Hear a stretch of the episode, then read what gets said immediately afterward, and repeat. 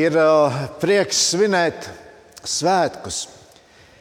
Uh, un uh, Kristus augšām celšanās svētki jau it sevišķi kristīgai pasaulē ir ļoti īpaši, jo tie apliecina, ka mēs ne tikai atceramies Kristu, kurš kādreiz ir dzīvojis, bet mēs pielūdzam dzīvu, augšām celšos Kristu.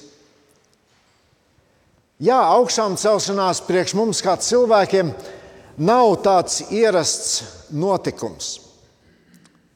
Cilvēki nomirst. Tā priekš mums ir ierasta lieta aizvadītajā nedēļā arī es biju vienā izvadīšanas gadījumā. Cilvēks aiziet mūžībā. Bet uh, augšām celšanās tas jau mums kā cilvēkiem liekas kā kaut kas ļoti pārdabisks.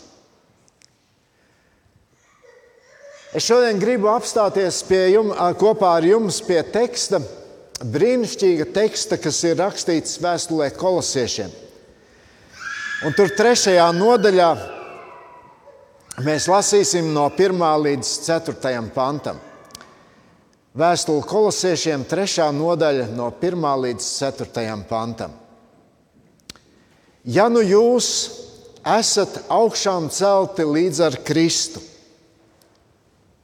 Tiecieties pēc tā, kas augšā, kur Kristus sēž pie Dieva labās rokas.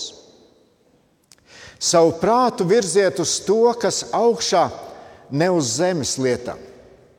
Jo jūs esat miruši, un jūsu dzīvība līdz ar Kristu ir apslēpta Dievā. Kad Kristus, jūsu dzīvība, parādīsies, arī jūs līdz ar viņu tiksiet atklāti godībā. Faktiski jau šodienas Dieva vārds mums katram uzdod vienu ļoti svarīgu jautājumu. Vai tu tici, ka Kristus ir augšām cēlies? Šajā rītā izlasīju kādu stāstu no kādas mūsu draudzes ģimenes, kur uh,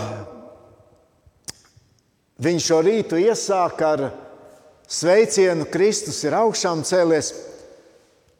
Un tad jaunākais dēls viņa ģimenē saka, es zinu,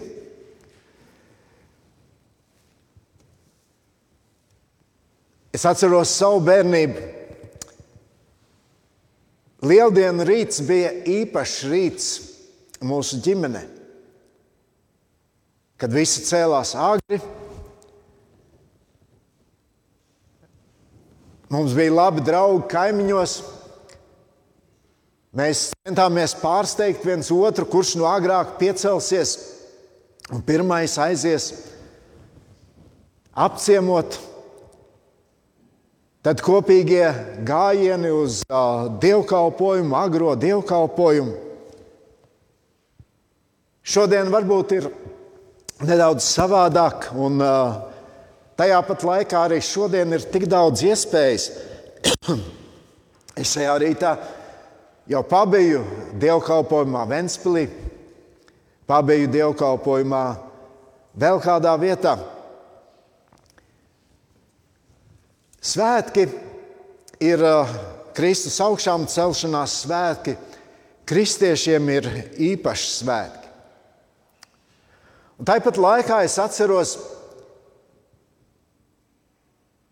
vienu no tādām epizodēm no savām skolas gaitām, kad uh, pēc uh, lieldienām, pēc Kristus augšām celšanās svētkiem, viena no skolotājām mūsu klasē teica, tas, kā kristieši svin šos svētkus, viņi tic pilnīgā muļķībā. Nu, padomājiet, padomājiet, visi taču, kas ir nomur, nomiruši, tā arī kapos ir palikuši. Bet viņi, viņi tic, ka viens ir augšām cēlies. Nu, kā tas ir iespējams?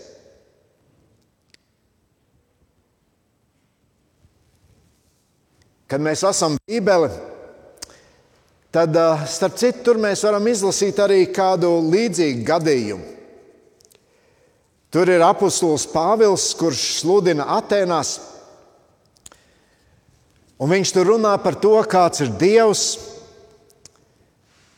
ko nozīmē pielūgt Dievu. Un visi cilvēki viņā ar lielu uzmanību klausās. Bet tad apustulis Pāvils runā arī par augšām celšanos. Un cilvēku attieksme pilnīgi izmainījās. Cilvēks sāk smieties, sacīt, tu galīgi aplami runā. Daudzi vienkārši gāja projām.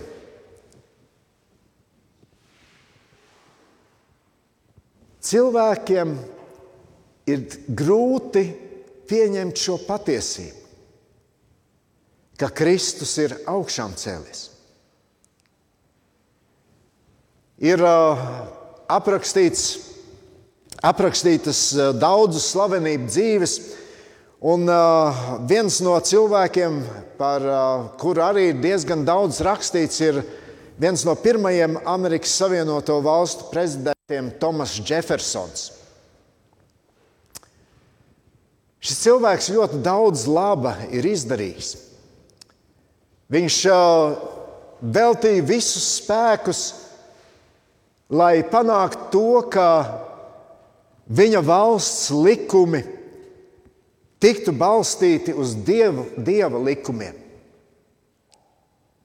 Viņš cīnījās par to, lai uh, viņa valsts tiktu veidota uz kristīgām vērtībām. Bet par šo cilvēku mēs lasām, ka viņš nekādi nespēja ticēt Kristus augšām celšanās faktam. Viņš nespēja ticēt pat tik tālu, ka viņš ņēma savu bībeli, izgrieza savā bībelē visas vietas, kas runā par Kristus augšām celšanos. Viņa evaņģēlijas beidzas ar vārdiem, un tie viņu guldīja kapā. Vai tu tici, ka Kristus ir augšām cēlies? Vai tu tici, ka evaņģēlijas nebeidzas uz šīs bēdīgās nots? Evanģēlijas turpinās ar šo vēsti, Kristus ir augšām cēlies. Kāpēc tas ir tik svarīgi? Pirmkārt, tāpēc, lai mēs zinātu, ka mēs ticam tam, kurš ir uzvarējis nāvi. Mēs ticam tam, kurš ir uzvarētājs. Jēzus ir uzvarējis grēku. Un pagājuš, pagājušajās uh, lielajā piekdienā mēs kopā ar Marku varējām izstaigāt šīs takas no ēdienas dārza līdz Golgātas kalnam, un tad atkal atgriezties atpakaļ ēdienas dārzā. Tā bija visas cilvēces traģēdija, kas notika ēdienas dārzā.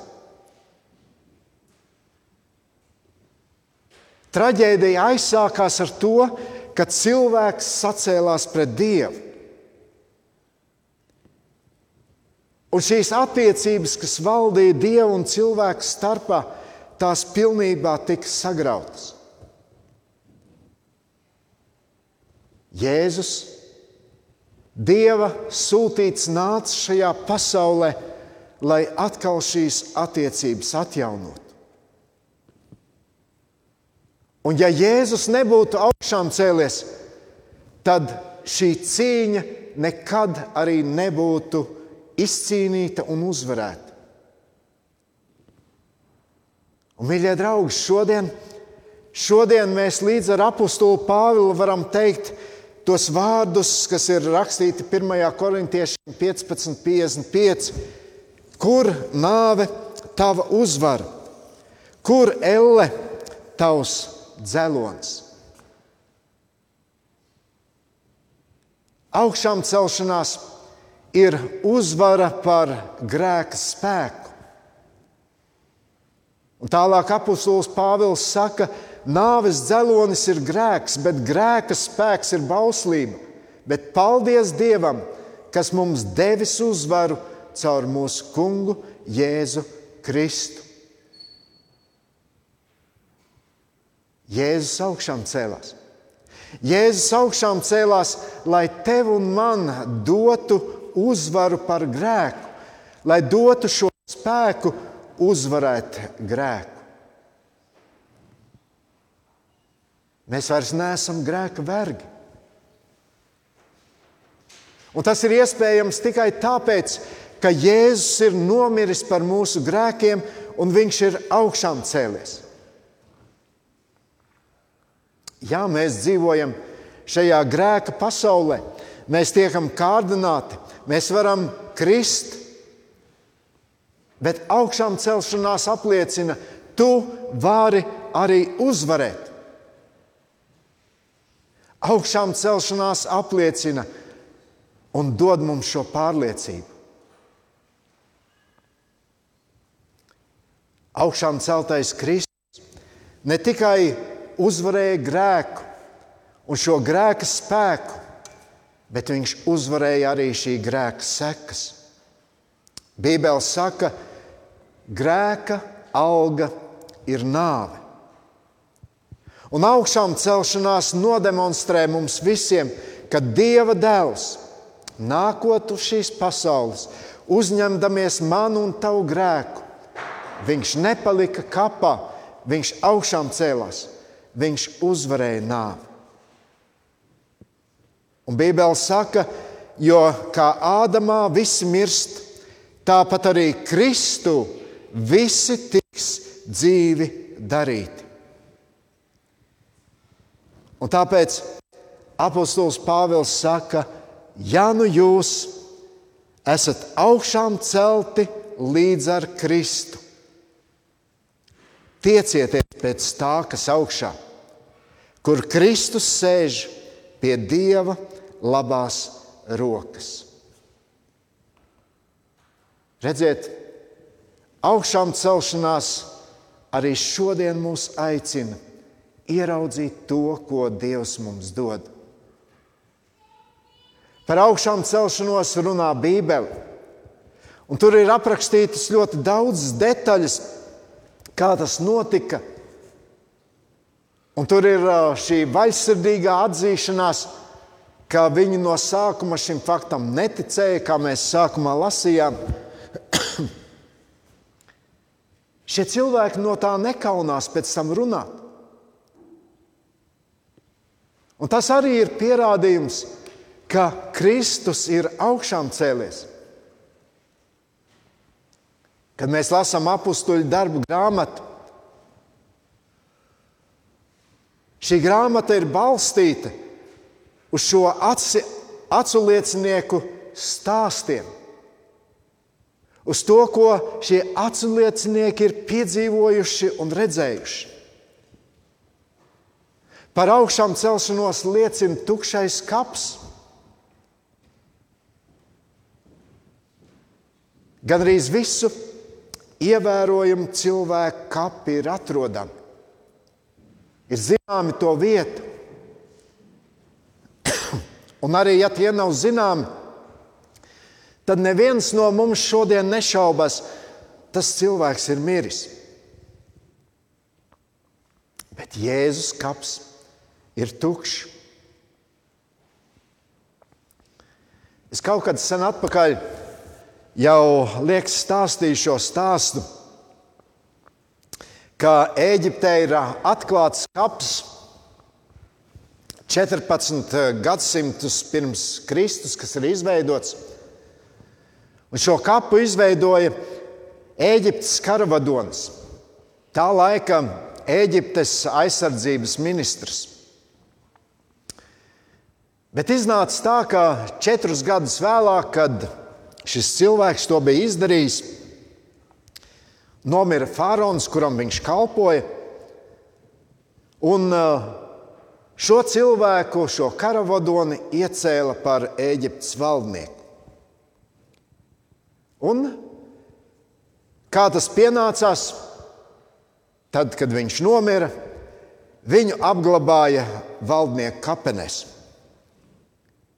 Bet tur bija kaps, ko viņš bija sev izveidojis. Un šis kaps palika tukšs. Bet, protams, mēs šo kapu nekādu nevaram salīdzinot, kas atradās tur, ar to kapu, kas atradās tur pie Jeruzalemes. Jo tajā kapā Eģiptē nekad neviens netika guldīts. Bet kaps, šis tukšais kaps, kurā pirms tam tika guldītas Jēzus miesas, tā ir liecība miljoniem cilvēku. Viņš nepalika kapā, viņš ir augšām cēlies. Bet ir vēl kāda lieta, kas apliecina, ka Jēzus ir augšām cēlies. Par to liecina cilvēku dzīves. Par to liecina Jēzus tuvāko cilvēku dzīves, viņa mācekļu dzīves. Mēs zinām, ka visi, izņemot apakstuli Jāni, visi šie cilvēki nomira mocekļu nāvē. Un iemesls tam bija, viņi liecināja par Jēzus augšām celšanos. Šos cilvēkus nekas nespēja apturēt. Nekas šos cilvēkus nespēja salauzt. Viņi zināja patiesību. Kristus ir dzīvs, viņš ir augšām cēlies. Izcilais evanģēlists Bilijs Grehams ir teicis, ka Jēzus augšām celšanās fakts ir vēsturiski pierādīts daudz vairāk reižu nekā fakts, ka imperators Jūlijs Cēzars kaut kad ir dzīvojis. Liekas, viss skaidrs. Bet tomēr tik daudz cilvēku šodien tam netic. Kaut gan Kristus augšām celšanās skar ikvienu cilvēku. Un tāpēc es gribu jums šodien, mīļie draugi, teikt, kā tu pret to attiecies. Tas ir ļoti svarīgi. Es gribu jautāt, ko tas, ka Kristus ir augšām cēlies, ko tas šodien nozīmē priekš tevis? Apostols Pāvils saka, un ticīgi cilvēki tic, ka Kristus ir augšām cēlies, un līdz ar viņu arī mēs esam augšām cēlušies no nāves. Vai tu tam tici? Vai Kristus augšām celšanās ir izmainījusi arī tavu dzīvi? Paklausieties, kā apustulis Pāvils to apraksta. Šajā pašā vēstulē kolosiešiem nodaļā iepriekš, otrajā nodaļā viņš saka, viņā jūs esat apgaizīti ne cilvēku rokām, bet Kristu apgaizīti. Un tā tikuši vaļā no savas grēcīgās dabas, kristībā, lai ar viņu aprakti un viņā līdzi uzmodināti, ticēdami Dieva spēkam, kas Jēzu uzmodinājis no miroņiem. Jūs, kas bijāt miruši savos pārkāpumos, Viņš līdz ar to ir darījis dzīvus, piedodams mums mūsu pārkā, pārkā, pārkāpumus. Vai Jēzus augšām celšanās iespaido tavu dzīvi šodien? Vai tas iespaido to, kā tu attiecies pret dzīves uzdevumu? Kā tu attiecies pret citiem cilvēkiem, kur ir tev līdzās? Kā tu attiecies pret tiem, kuri ir tev tie tuvākie vai svešie, stiprie vai vājie, draugi vai ienaidnieki? Vai tas, ka tu tici augšām, celtam, augšām cēlušam Kristum, vai tas iespaido tavu dzīvi dažādās dzīves situācijās, kurās nonāc? Mēs lasījām, ja nu jūs esat augšām celti līdz ar Kristu, tiecieties pēc tā, kas augšā, kurš Kristus sēž pie Dieva labās rokas. Savu prātu virziet uz to, kas augšā, ne uz zemes lietām. Un Bībele mums rāda vairākus iemeslus, kāpēc cilvēkiem to ir tik grūti pieņemt. Kāpēc cilvēki nespēj tam ticēt? Un, ziniet, šie iemesli bieži vien attiecas arī uz cilvēkiem, kuri tik daudz zināja par Kristu, kuri daudz viņā klausījās. Bet Bībele rāda arī šo cilvēku dzīvēs, iezagās šīs šaubas.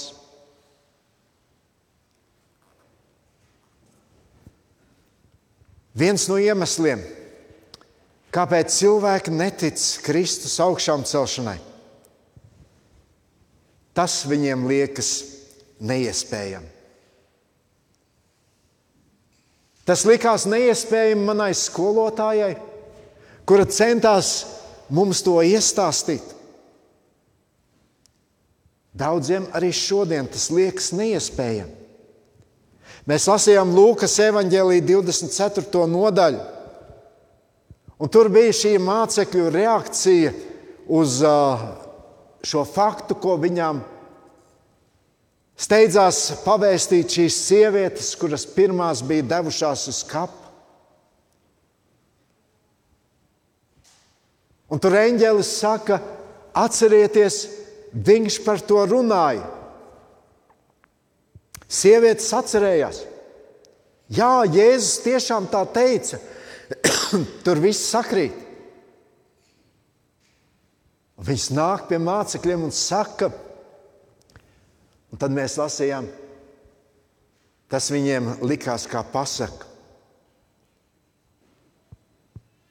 Cilvēki netic Netic tāpēc, ka arī tas, ko Kristus ir teicis, tas šodien bieži vien tiek uztverts kā pasaka, nekā īstenība. Un tāpēc šodien arī tev ir šis jautājums, cik nopietni tu uztver Kristus sacītu. Kristus sacīto par dzīves jēgu, par to, kāpēc mēs katrs esam šajā pasaulē. Kristus sacīja to par augstāko bausli un to, tam līdzīgo. Kristus sacīja to par to, kā mums attiekties pret dzīvi, kā mums uh, rīkoties tad, kad mēs varbūt esam kādās grūtībās. Mēs varētu turpināt vēl un vēl. Par to visu mēs lasām Dieva vārdā. Kā mēs pret to attiecamies? Vai bieži vien arī mums Dieva vārds liekas kā tukši vārdi?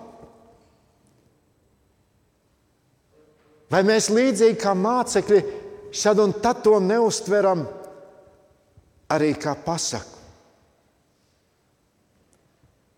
Bet, ja tu to neuztver nopietni, tad tu nekad nepiedzīvosi to, ko nozīmē ar Kristu augšām celties. Vēl viens iemesls neticībai ir, ka cilvēkiem ticība ir tikai teorija, bet ne praktiska ticība. Padomājiet, padomājiet, cik daudz no tā, ko varbūt šodien, vai vakar, vai rīt mēs darā, darām, darījām un darīsim, cik daudz no tā mēs nedarītu, ja mums līdzās būtu Kristus. Cik daudz vārdus varbūt mēs nepateiktu, ja mēs zinātu, Kristus man ir blakus, Kristus ir mani.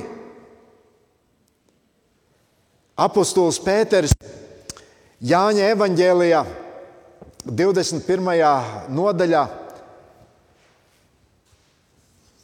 mēs par viņu lasām. Viņš jau bija saticis Kristu. Viņš zināja patiesību, ka Kristus ir augšām cēlies. Un tomēr arī viņā bija radušās šīs šaubas.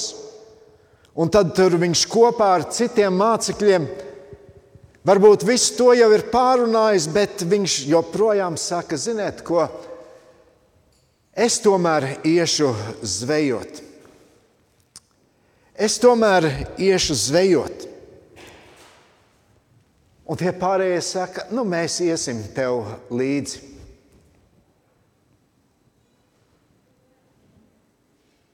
Bet viņi taču zināja, viņi zināja, ka Jēzus ir dzīvs. Un mēs droši vien domājam, nu, ja es tur būtu, man par zveju nebūtu nekādas domas. Manas domas būtu, es gribu ar Kristu.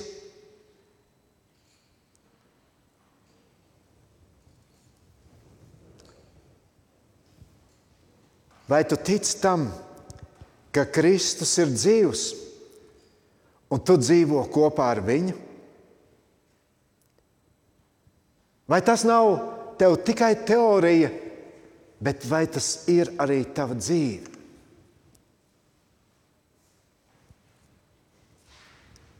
Ko šie vārdi Kristus ir augšām cēlies šodien nozīmē priekš tevis?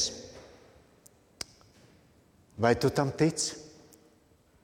Vai tu arī šajā rītā, kā mēs to darījām, no sirds var teikt, viņš patiesi ir augšām cēlies?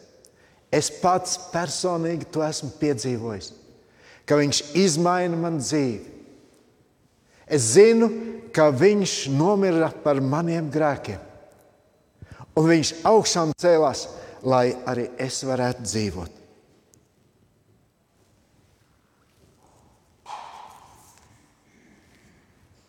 Ja nu esat ar Kristu augšām celti, tad tiecieties pēc tā, kas augšā. Savu prātu virziet uz to, kas augšā. Lai, šajās, lai šajos Kristus augšām celšanās svētkos, svētkos šis Dieva vārds mums iekrīt dziļi katram sirdī ar Kristu augšām cēlušies. Dzīvosim tā. Dzīvosim šo Kristus dāvāto uzvaras dzīvi. Lūksim Dievu. Debes Tēvs, paldies Tev, ka mēs šodien varam svinēt šo uzvaru. Bet tāpat laikā, Kungs, Paldies Tev, ka Tu šodien mums vēl ļauj un dod šo iespēju ieskatīties arī katram savā dzīvē.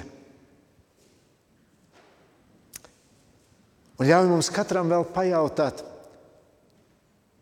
vai es stipri pieķeros tam, ka Tu esi dzīvs. Vai tas mans evaņģēlijs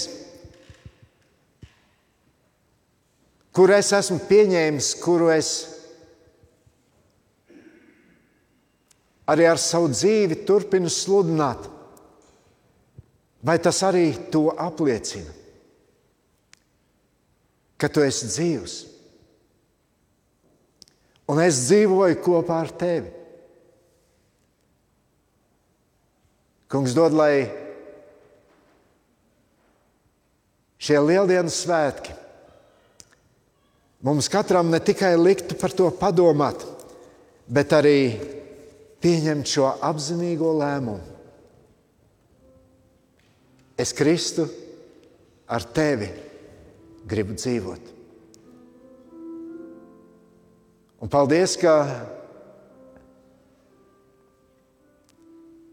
šis Dieva pestīšanas plāns nepalika nepabeigts tur pie krusta Golgātā, bet tam bija turpinājums.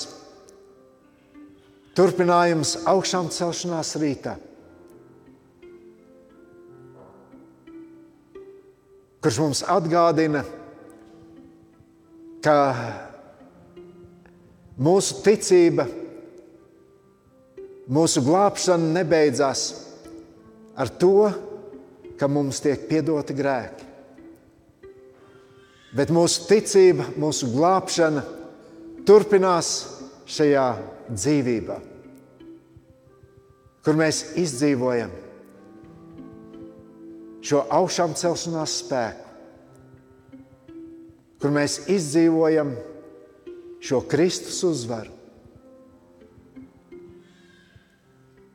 Debes Tēvs, palīdz mums kaut kā šī diena, ja tas vajadzīgs, ļauj mums pieņemt arī kādu pareizu, izšķirošu lēmumu savā dzīvē. Piedzīvot šo uzvaru pār grēku, piedzīvot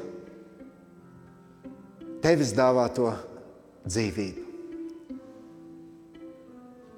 Mēs tev visu godu gribam dot un eh, par visu tev pateikties. Amen.